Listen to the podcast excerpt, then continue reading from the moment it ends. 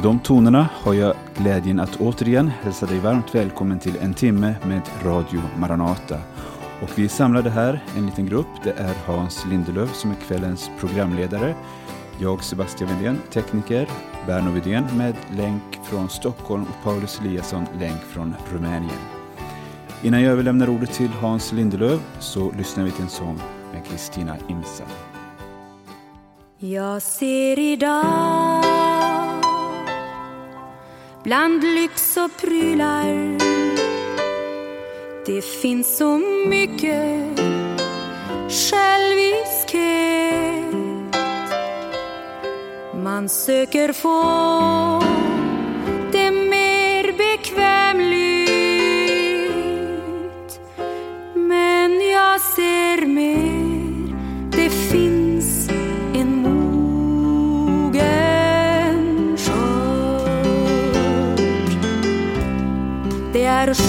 det?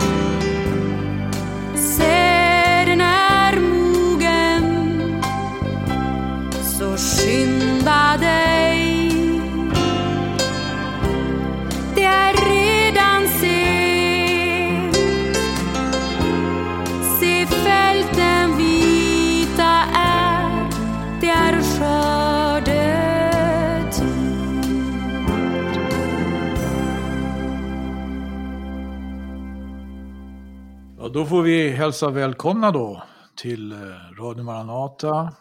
Eh, och eh, vi ska samtala och vi har ett ämne. Det är jag, Hans Lindelöv, i Långshyttan tillsammans med mig Sebastian Vidén här som hjälper med tekniken. Och digitalt har vi med oss då Paulus Eliasson som befinner sig i Rumänien och Berno Vidén som befinner sig i Stockholm. Och vi ska börja läsa ett bibelord då. Och det bibelordet är från eh, andra Timoteus brev. Det är aposteln Paulus som skriver alltså till Timoteus.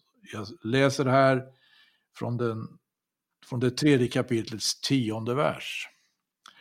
Du åter har blivit min efterföljare i lära, i vandel, i strävanden, i tro, i tålamod, i kärlek, i ståndaktighet. Under förföljelser och lidanden, sådana som drabbade mig i Antiochia, Ikonium och Lystra. Ja, sådana förföljelser har jag fått utstå. Men ur alla har Herren frälst mig. Så ska och alla de som ville leva gudfruktigt i Kristus Jesus få lida förföljelse. När broder Arne talade om det här, då för att hjälpa oss och riktigt få tag i meningen så sa han på det här sättet angående den tolfte versen här. Det står inte bara att så ska och alla de som vill leva. Nej. Det är inte bara fråga om att vilja leva. Det står faktiskt inte heller så ska och alla de som vill leva gudfruktigt. Även om det är något stort och fint att leva gudfruktigt. När det heter så här, så ska och alla de som vill leva gudfruktigt i Kristus Jesus få lida förföljelse. Det är det, det, är det, det handlar om. Och eh, vi kan i Nya Testamentet läsa om just hur aposteln Paulus och det som var tillsammans med honom gjorde dessa erfarenheter. Paulus var ju själv, innan han blev en apostel, så var han en riktig förföljare. Han brann av nitälskan för Mose lag och för sitt judiska sammanhang. Det fariseiska partiet han tillhörde, inte minst, och överste prästerna i Israel. Och därför så förföljde han de kristna, Herrens Jesu lärjungar. Och inte bara inom landet Israels gränser, utan han begav sig ut i andra länder för att jaga rätt på de kristna. Men han fick möta Jesus själv.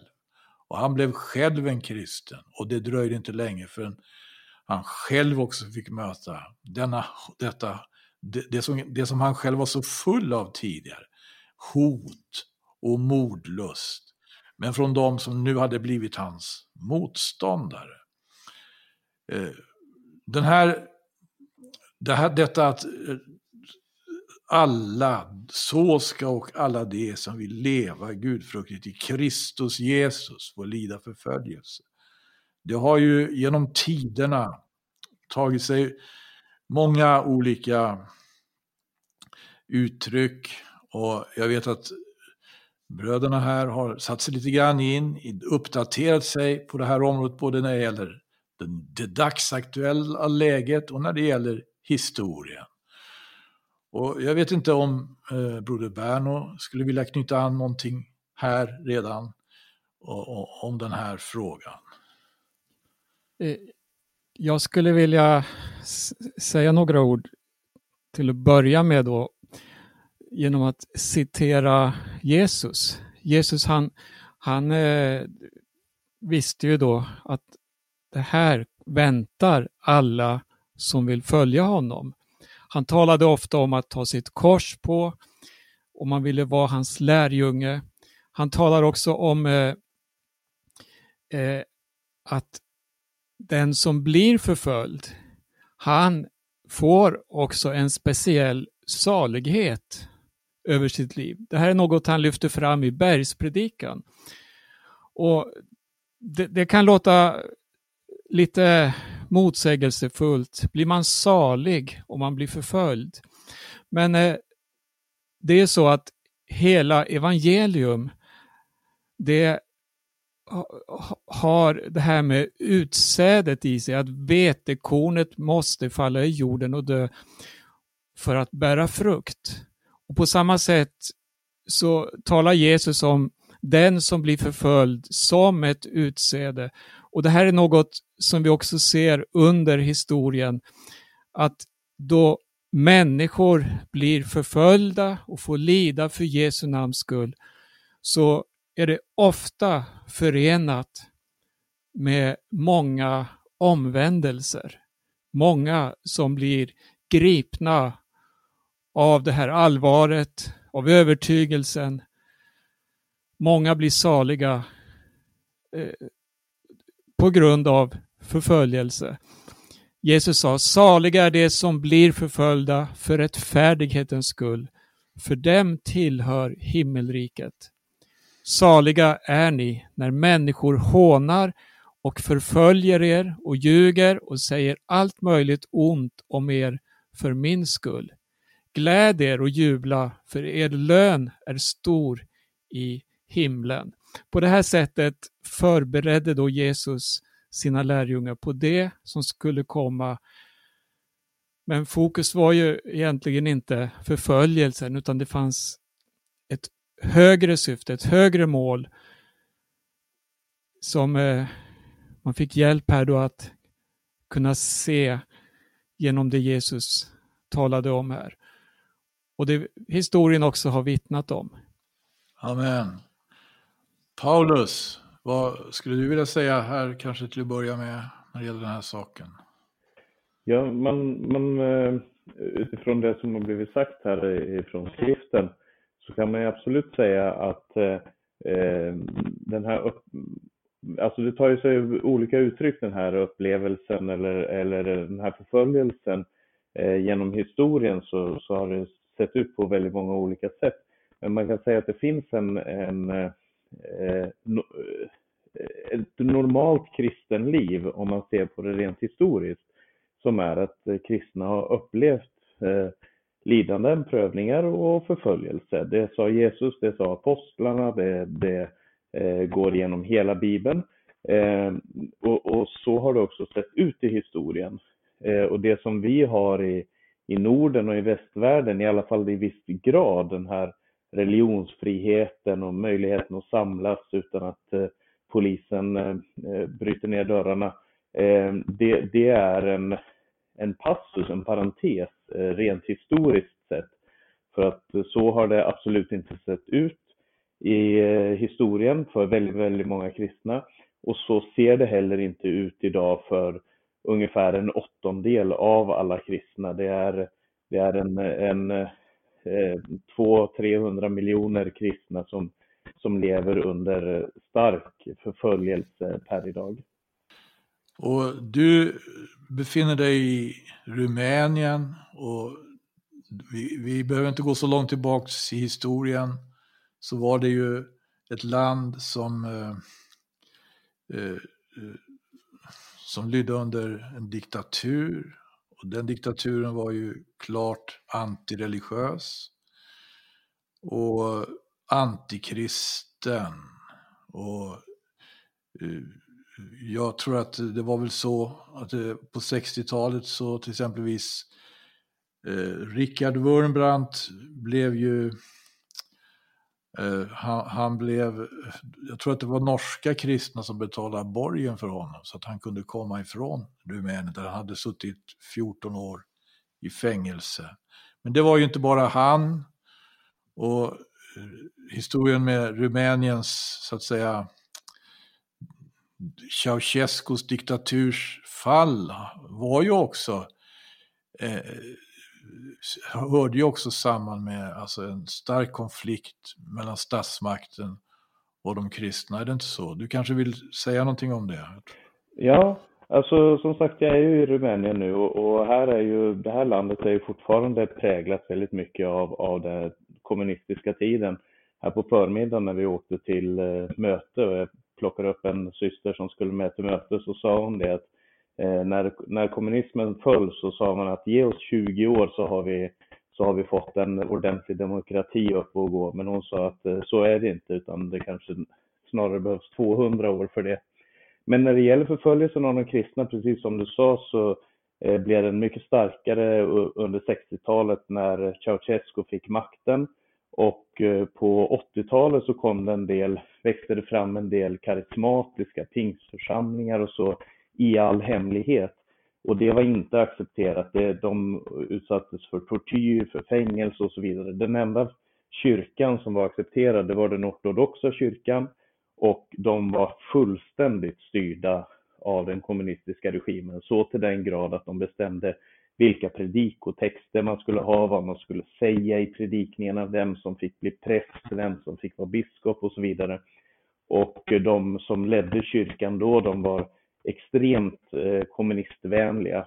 Eh, det visade sig bland annat under revolutionen i december 89, som ju för övrigt började med en katolsk präst bara 50 kilometer från där vi är nu, Laszlo Tökes, en, en eh, ungersk eh, präst som... Eh, som eh, eh Ursäkta, men var, var, inte han reformärt? Hörru? Ja, du, du kan hända, nu, det kan hända att jag blandar. Men eh, eh, han, han, eh, han eh, eh, skulle tas till fånga och så eh, började folk protestera. Timisoara är ju en universitetsstad och många unga där och många som hade liksom lite revolutionerande tankar. och där började ju revolutionen då. Men när revolutionen började så fördömde den ortodoxa kyrkan revolutionen ända fram till Ceausescu blev avsatt och avrättad så gjorde man det. Och det kan ju hända att man var liksom i deras eh, klor och så, men eh, fria kristna församlingar hade det otroligt svårt. Jag har en syster i församlingen som blev frälst i en pingsförsamling i eh, 88, slutet av 88 blev hon frälst i en pingsförsamling. Hon sa att de var tvungna att mötas ute i skogen, hemma hos någon i all hemlighet och så vidare. Eh, och de riskerade fängelse, tortyr, som precis som du nämnde, Richard Wurmbrandt, han är ju en, en känd karaktär inom, inom kristenheten historiskt sett och han, han blev ju torterad för Kristus. Han har en bok som heter just det, Torterad för Kristus. Och det, så det är upplevelser som kristna har gått igenom här bara, alltså många av de som lever här kommer ihåg eh, hur det var under den tiden. Och det här är ju någonting som, eh, eh, som inte heller överger minnet.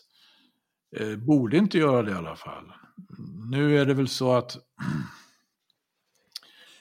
eh, det här har väl någonting, det är ju frågor som vi har liksom fått prövas mot eh, under årens lopp.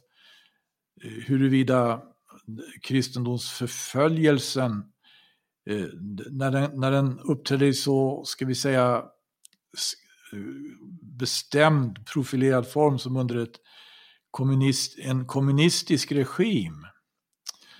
Eh, det, jag tror att det var en annan, eh, en, en av de som representerade den underjordiska baptiströrelsen i Sovjet, Georgi Vins, som sa att när han han blev också, eh, han fick också lämna Sovjet. Han blev, eh, eh, han blev, han, han, det var ett byte då mellan, jag tror jag, USA och Sovjet.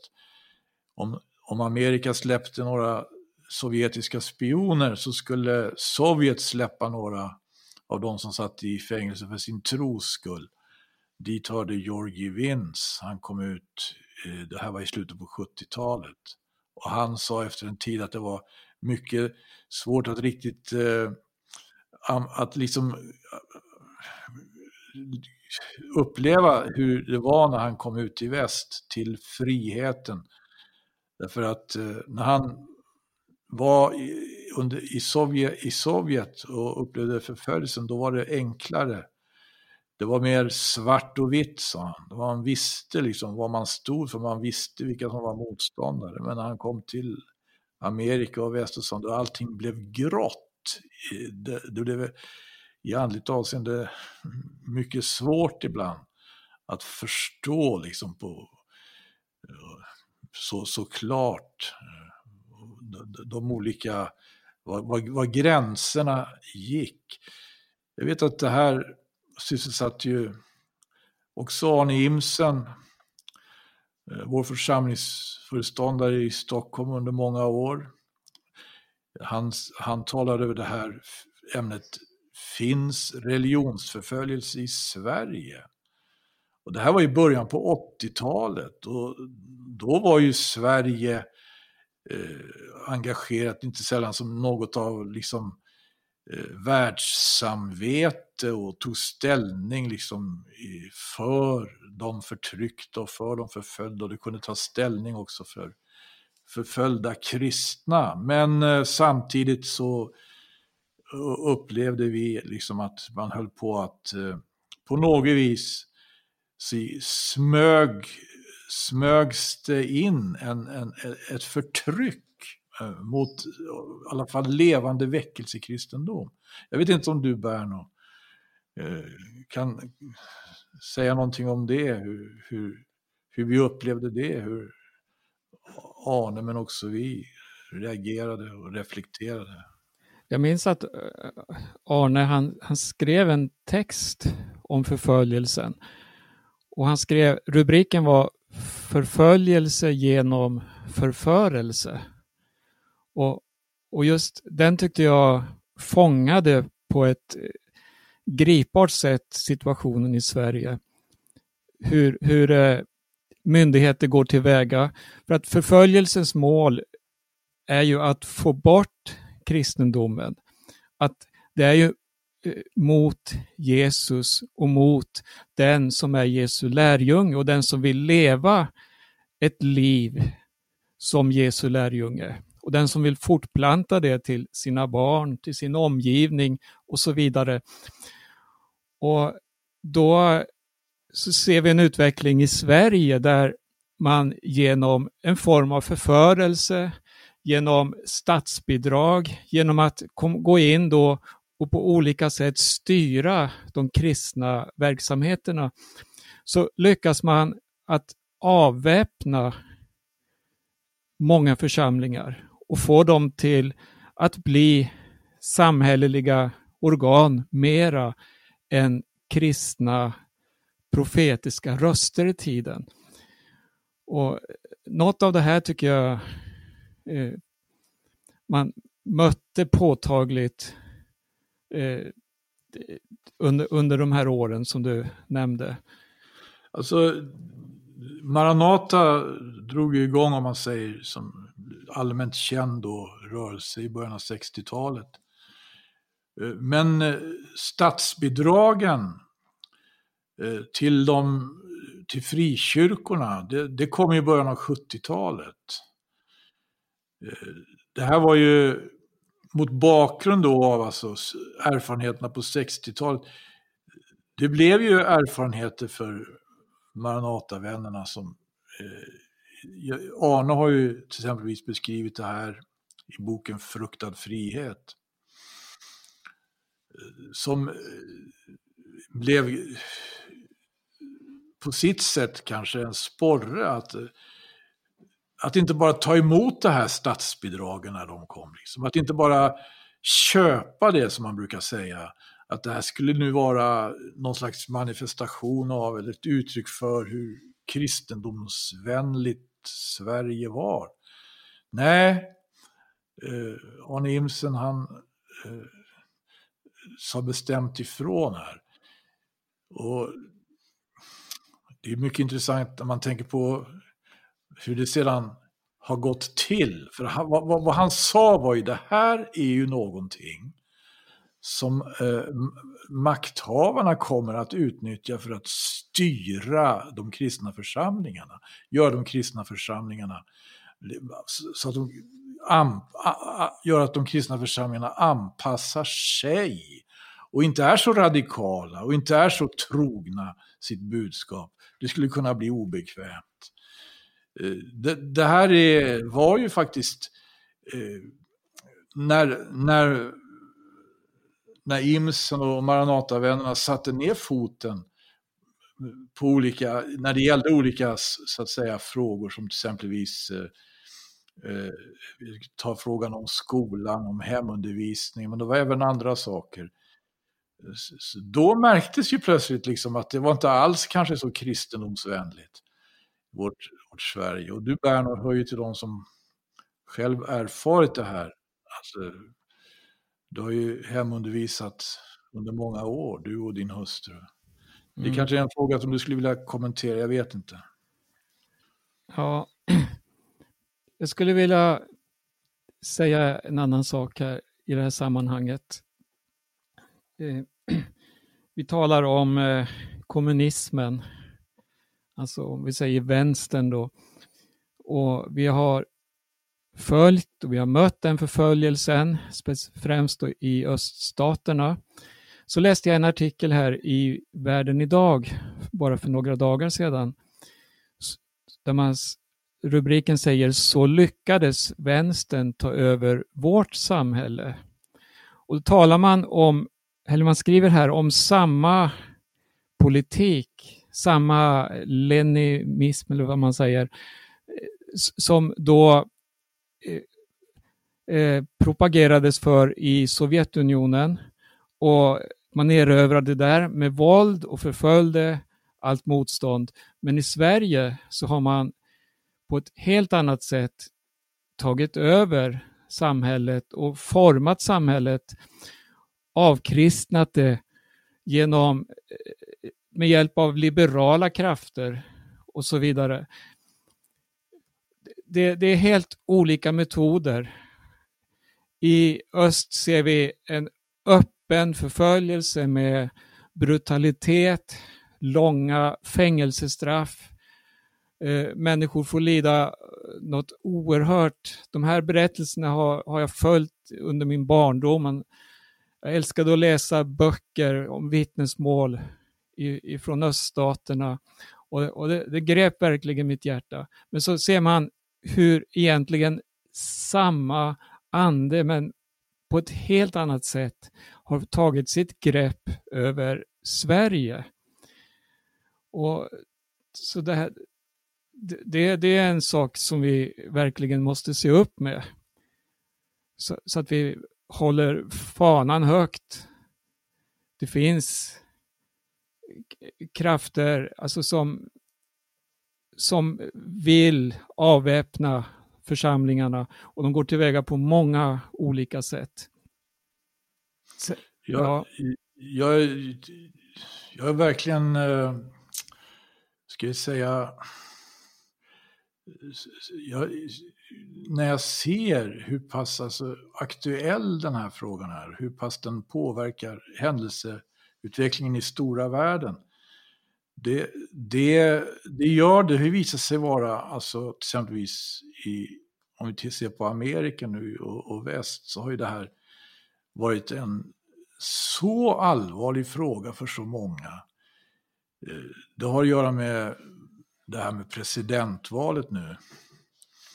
Att man har, eh, att man har liksom sett den nu, av, den nu före detta presidenten som en slags garant för, en slags försvar för religionsfriheten på grund av hans eh, eh, ja, på grund av vad egentligen? Han har på sitt lite tillyxat sätt varit eh, sympatiskt inställd till eh, genuint, om vi säger kristna ståndpunkter.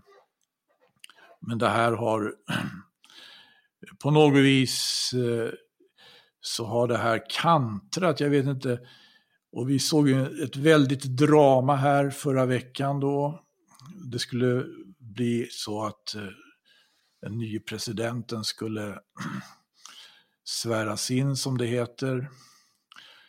Och han höll sitt tal och det var ju ganska så eh, eh, påtagligt hur han liksom ville i sitt tal stå för någon slags, eh, om man säger, kristen syn. Han talade om sin kyrka då, det var ju Eh, han citerade, som han sa, ett helgon som tillhörde hans kyrka, det var ju Augustinus.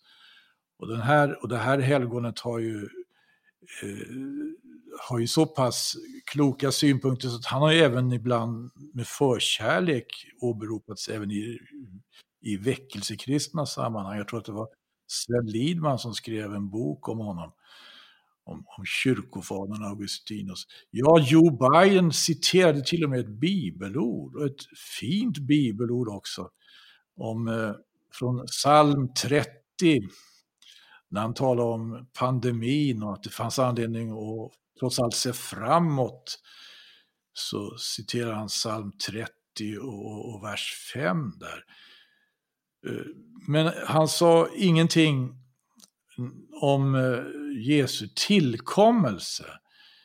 Eh, det här tyckte jag på något sätt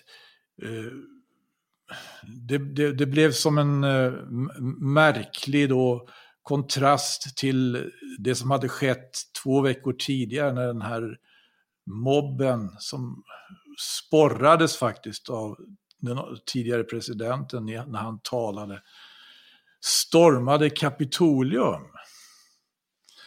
Då var det ju en brokig skara som slog sig in där och det var ju våldsamhet, det var förstörelse, det var faktiskt död. Och eh, då så var det många som filmade, det var många som hade såna, sina mobiltelefoner och det blev mycket som publicerades i efterhand. Och så skulle man, jag tror att det var Wall Street Journal eller så var det The New Yorker skulle liksom, de hade hittat det värsta, det allra värsta eh, som hade liksom dokumenterats. Och då hade inifrån den här plenisalen, tror jag, eh, kongressen, så fick man se hur några gick omkring där och härjade och vände upp och ner på saker. Så de var klädda på lite, märkliga, på lite märkligt sätt. Och de rev upp, de slet upp heter det, kongressledamöternas eh, skrivbord där och tog eh, handlingar och läste igenom och skulle och var ute efter några där. Liksom. Det här skulle vara liksom den video som verkligen avslöjar hur illa, hur illa de uppträdde. Och i slutet av den videon så sitter en man med två stora horn. Han, han har förekommit också. Han, han sätter sig på den plats där egentligen vicepresident Trump skulle sitta. Eh, inte vicepresident Trump, vicepresident Pence. Och, och så avslutas allting med att han eh, vänder sig mot kameran så säger han Jesus kommer snart. Ja, ni anar inte hur snart. Och så lägger han ett skrivet papper framför sig. Där står också det, Jesus kommer snart. Då undrar jag, vad är allsin hur ska budskapet om Jesu tillkommelse bäras fram? Vad, vad beror det på att det lyser ju med sin frånvaro när, när så att säga eh, Eh, eh, den nu tillträdande, den nu insvurne så att säga presidenten håller ett aldrig så kristendomsvänligt tal, men kommer fram på detta helt bizarra vis. Jag bara undrar vad, vad är det som händer? Ja, jag kanske lämnar lite grann nu eh, den, det som upplägg som du hade här Paulus. Du skulle också säga något mer tror jag. Ja, nej men alltså eh, det, det, som vi har talat om tills nu, det handlar ju väldigt mycket om, om situationen. Jag menar, vi har talat lite om historien och så lite om situationen, den aktuella situationen eh, för, ska vi säga, Norden och västern. Och det, det är ju helt klart att eh, om man säger som så, det, det finns en, en, kamp i varje generation och i varje eh, situation. Eh, det, det finns ingen, vad ska jag säga, ut, utan att man behöver få någon slags eh, eh lidande komplex eller förföljelsekomplex så, så finns det ingen egentlig fristad för den som vill leva gudfruktigt. Precis som du sa eh, Hans här i början, så den som vill leva gudfruktigt i Kristus Jesus kommer att få uppleva och lida förföljelse. Och Jesus sa i världen har ni eh, betryck i världen. Eh, så, så det är liksom normaltillståndet och för den som vill leva helt och fullt för Gud så, så finns det här perspektivet med eh, hela tiden. Och jag tror att eh, alla de här sakerna kommer att utnyttjas eh, av Biden-administrationen som redan har eh, skapat lagar som, som, ska, eh, som gör det svårare att, att stå för det kristna budskapet. Och jag tänker på vår, vår eh, eh cancelkultur, alltså det här att man man ska tysta de, de rösterna som, som vågar och säga någonting. Och ibland så känner man att man står på den sidan och ibland så känner man att man står på en helt annan sida. Det är väldigt svårt att, eh, att ha någon, eller inte svårt att ha en åsikt, men det är svårt att liksom eh, man kan inte placera sig på någon slags vänster-högerskala i, i den här politiska debatten och jag är med Trump eller jag är med Biden. Det, det tycker jag blir ovärdigt för en kristen.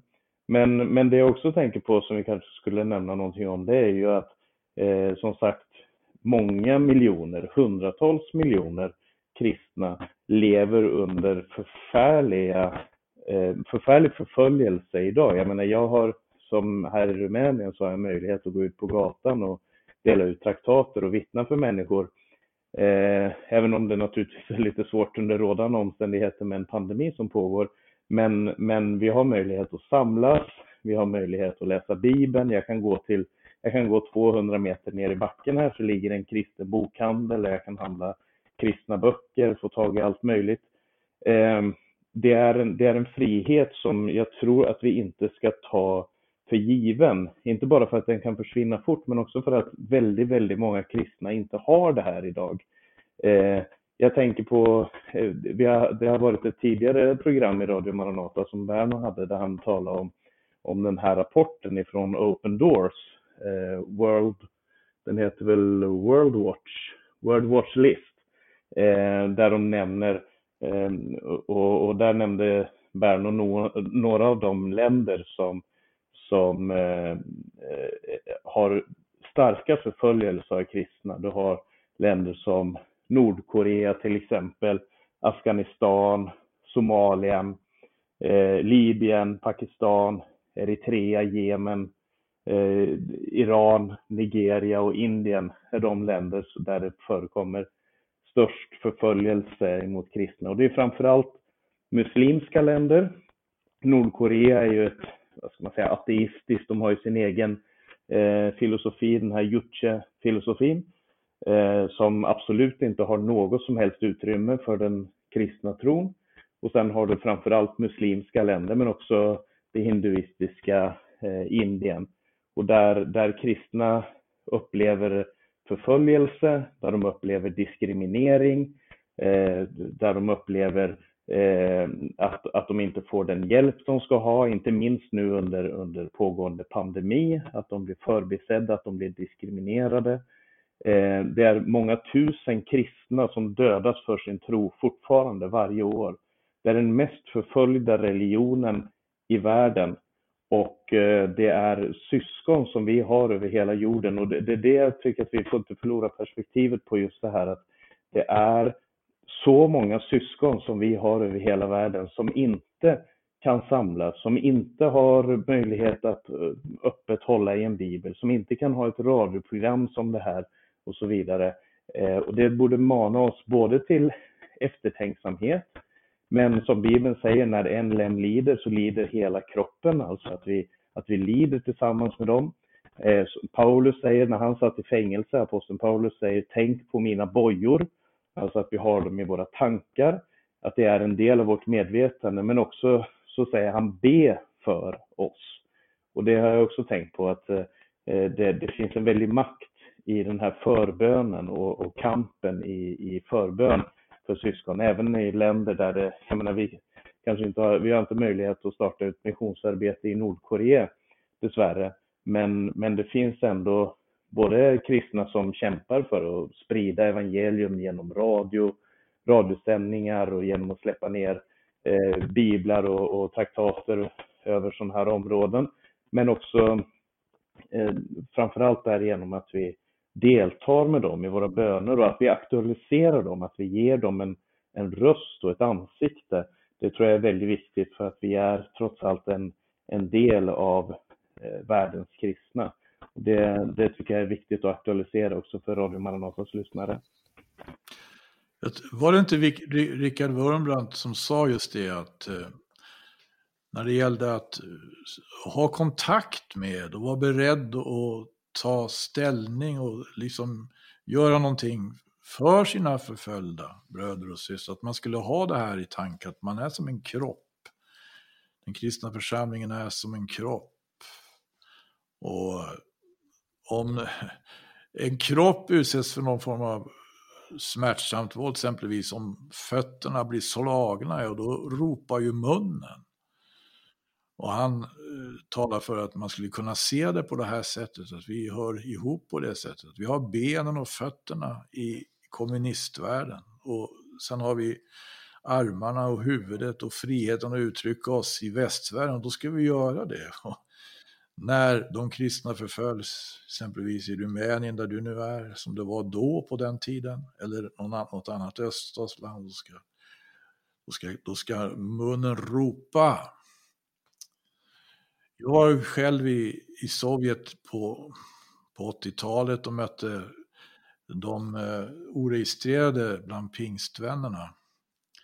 Och jag kommer särskilt ihåg eh, hur man Eh, när, jag, när, man, när man fick höra om det, alltså, eh, om, om det dagliga så att säga, förtryck och det dagliga trakasserier som de kunde uppleva.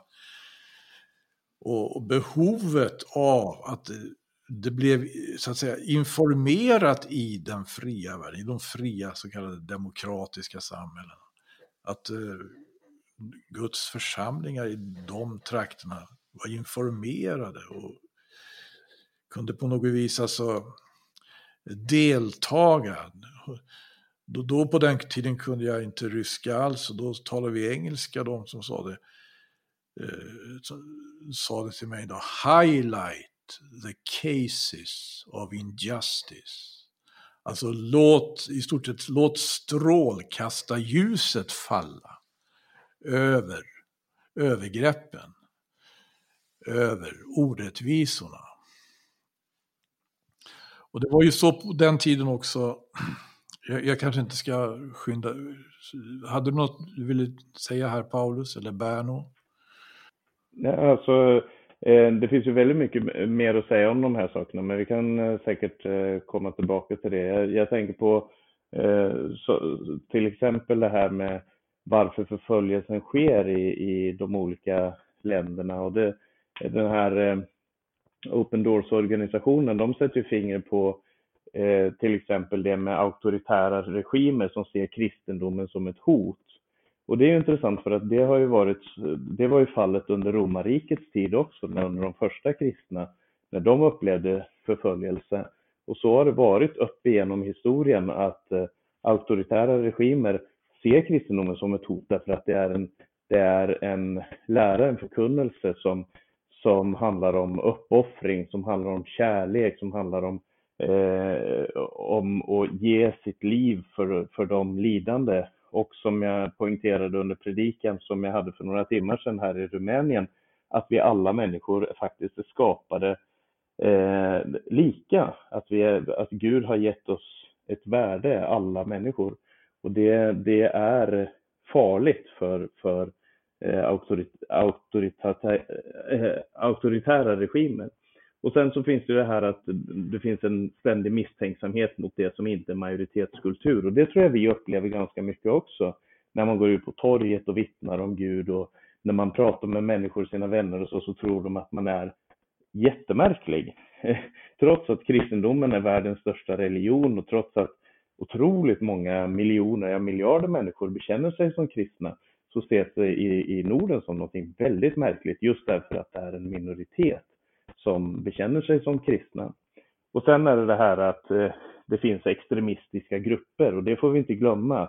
Du sa, pratade just om det här att Richard Wurmbrand sa att någon måste vara rösten och, och jag tror att vi måste vara med och, och, skapa en, en röst för de människor som, som lever i områden där extremistiska organisationer som Isis och andra eh, eh, eh styr och de både förföljer kristna eh, Eh, och de, de fördriver kristna. Det är många, många, till exempel i, i Iran enligt BBC, en artikel som jag läste från 3 maj 2019, så i, nej ursäkta, i Irak så var innan 2003 så var antalet kristna en och en halv miljoner.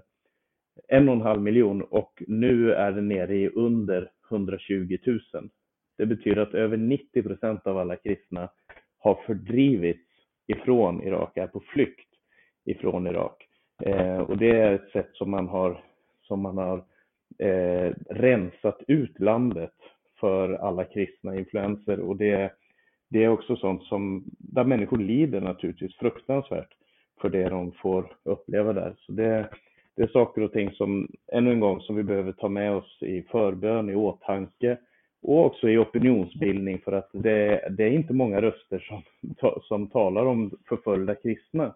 I, i, I vår del av världen så talar man ju mycket mer om att kristna är de som förföljer. Vi är de som, som eh, förföljer eh, eh, de som vill komma vidare i, i, utvecklingen. Vi är de som är bakåtsträvande och så vidare.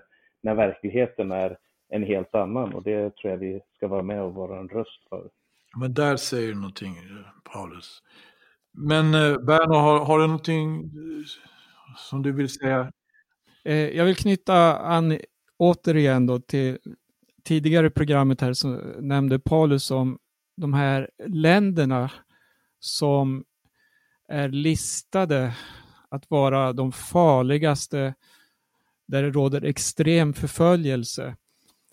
Och det finns ju människor bakom den här rapporten som har lagt ner sin själ till att göra det här känt för oss bland annat.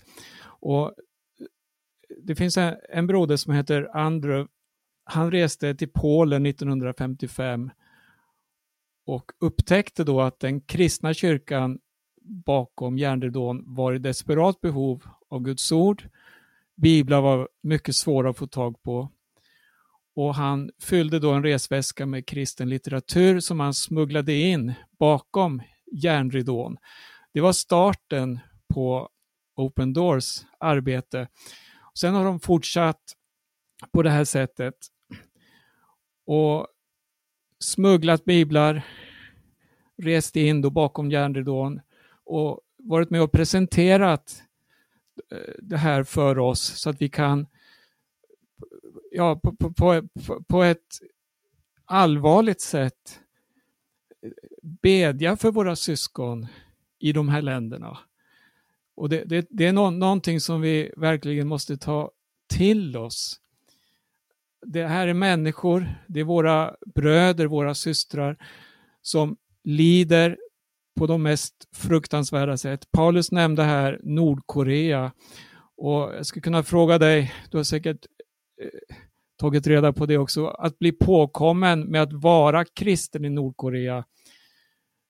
Vad innebär det för de som bor där, för de som är medborgare exempelvis?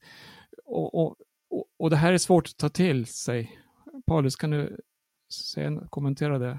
Ja, alltså det, det är någonting som, som är, ja, precis som du säger, svårt att ta till sig. Det är nästan omöjligt för att Eh, I Nordkorea så, har, så införde man en filosofi, det är en del av den här Juche-filosofin, att eh, när en person är upp, eh, gör uppror mot regimen, på något sätt uttrycker protest eller till exempel som kristen då, uttrycker en kristen livsstil, så, så straffas inte bara den personen, eh, men också alltså släktingar in till tredje led, alltså barn och barnbarn eller föräldrar och barn Så som man placeras i koncentrationsläger där man, där man får alltså leva i generationer. Och man har ju delat in då samhället i olika klasser och de klasserna, de, de kommer man inte ur. Så hör man till den klassen som, som då eh, blir man placerad i koncentra de här koncentrationslägren och arbetsläger så, så är det inte möjligt att ta sig därifrån. Eh, och sen det här faktumet att eh, man, man har en sån otrolig kontroll på, på medborgarna så till den grad att föräldrar kan inte berätta för sina barn att de är kristna. Eh, för att om de gör det så kan det hända att barnen blir utsatta för förhör i skolan, liksom om vad, vad säger mamma, vad säger pappa, vad är de för människor och så vidare. Så de kan inte berätta för sina egna barn om den kristna tron. Det är en otroligt svår situation. Och det, mm. det borde både världssamhället men framför allt, jag menar så många miljoner kristna som det är i världen, vi borde i alla fall vara medvetna om det här. En sån fruktansvärd situation. Det, det, det, jag kommer ihåg att vi publicerade i minnesropet för några nummer sedan då att det finns minst 50 000 kristna i Nordkorea som sitter i arbetsläger. Och arbetsläger där, det är alltså förenat med döden kan man säga. Nästan för allesammans. Och det här är ett land, det, det som klassas då som det mest extrema när det gäller förföljelse. Och på det här sättet skulle jag vilja lyfta fram egentligen land efter land. För det finns namn, det finns människor bakom det här. Sen när man läser röster från de som sitter fängslade, från de som bär detta lidande och hör deras budskap, då blir man ännu mer gripen. För att, för att eh, det, det, man säger då, det är inte det här, låt oss slippa och befria oss från det ena, från det andra, utan det, det, det är en djup bön till Gud. Att man genom sitt lidande, att man genom sin fångenskap ska kunna vinna fler människor. Och, och det här är som att läsa Apostlagärningarna när, när eh, eh apostlarna då hade ställts inför domstolen.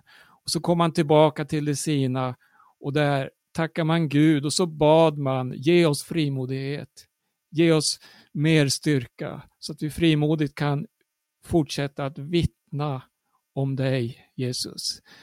Och, och, på, och på det här sättet, jag tycker man möter samma anda, sa, eh, samma iver hos dessa lidande människor.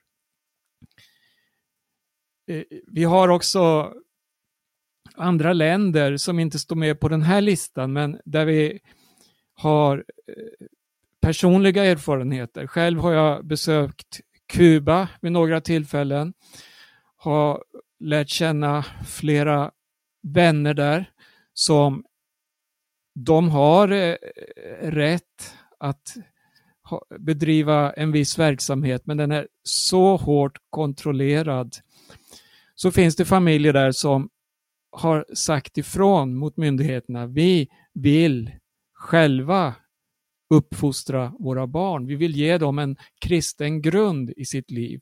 Och så har man börjat hemundervisa. Och det här har resulterat i att en familj har hamnat i fängelse, har blivit fråntagen sin pastortjänst och fått lida eh, väldigt svårt. Och det, är också syskon som lider. Vi, vi, vi har liknande berättelser från Mexiko eh, och andra länder som man menar att här råder det ändå religionsfrihet. Men det gör inte det i praktiken för väldigt många. Och på det här sättet så får vi vara med och lyfta fram alla dessa lidande syskon som böneämnen. Vi måste bedja för dem som bär korset på detta sätt. Men komma ihåg också att Jesus har lovat en salighet för den som lider för hans namns skull. Amen. Tack för det. Jag tror vi får tacka nu för de här perspektiven som ni har varit behjälpliga med och förstår att det är eh, någonting här som är av särskild vikt. Och jag tror att jag ska också läsa ifrån Danielsboken. Det står i Daniels elfte kapitel om Antikrist och hur det kommer att vara under Antikrists välde. Och det heter så här i 32 versen. De som har kränkt förbundet ska han med hala ord locka till helt avfall. Men det av folket som känna sin Gud ska stå fasta och hålla ut. Och det förståndiga bland folket ska lära många insikt. Men det ska bli hemsökta med svärd och eld med fångenskap och plundring till en tid. Dock skall under hemsökelsen en liten seger beskäras dem och många ska då skrymteri sluta sig till dem. Hemsökelsen ska träffa somliga av de förståndiga för att en luttring ska ske bland dem så att de blir renade och tvagna till ändens tid. Ty ännu dröjer denna in till den bestämda tiden. Det står om folket som känna sin Gud. Och jag tänker också på Jesu bön i Johannes evangeliets 17 kapitel. Då han ber för sina efterföljare. Och jag vet inte hur många gånger i den här bönen det talas om gåvor. Att ha gåvor. Och om det själva det eviga livet står det i tredje versen. Detta är evigt liv. Att det känna dig, den enda sanne guden och den du har sänt, Jesus Kristus. Jag funnit en frälsare mäktig och god en mästare här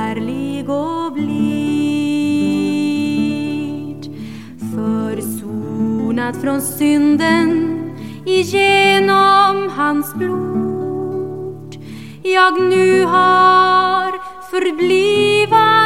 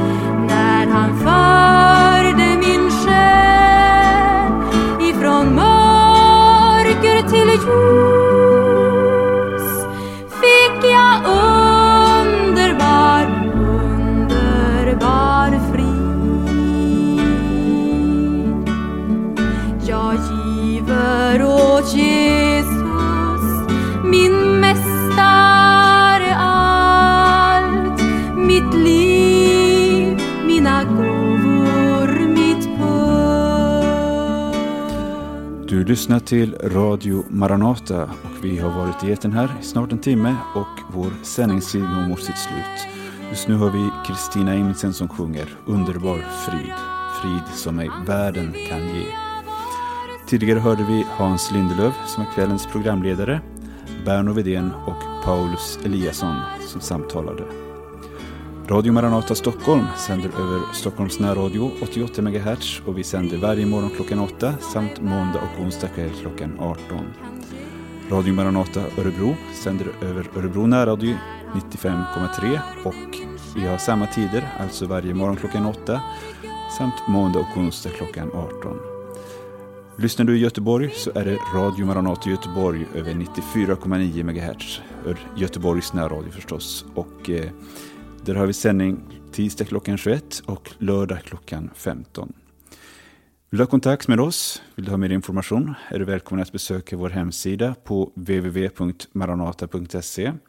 Du kan även ringa oss på 070-201 60 20 eller mejla oss på info maranata.se.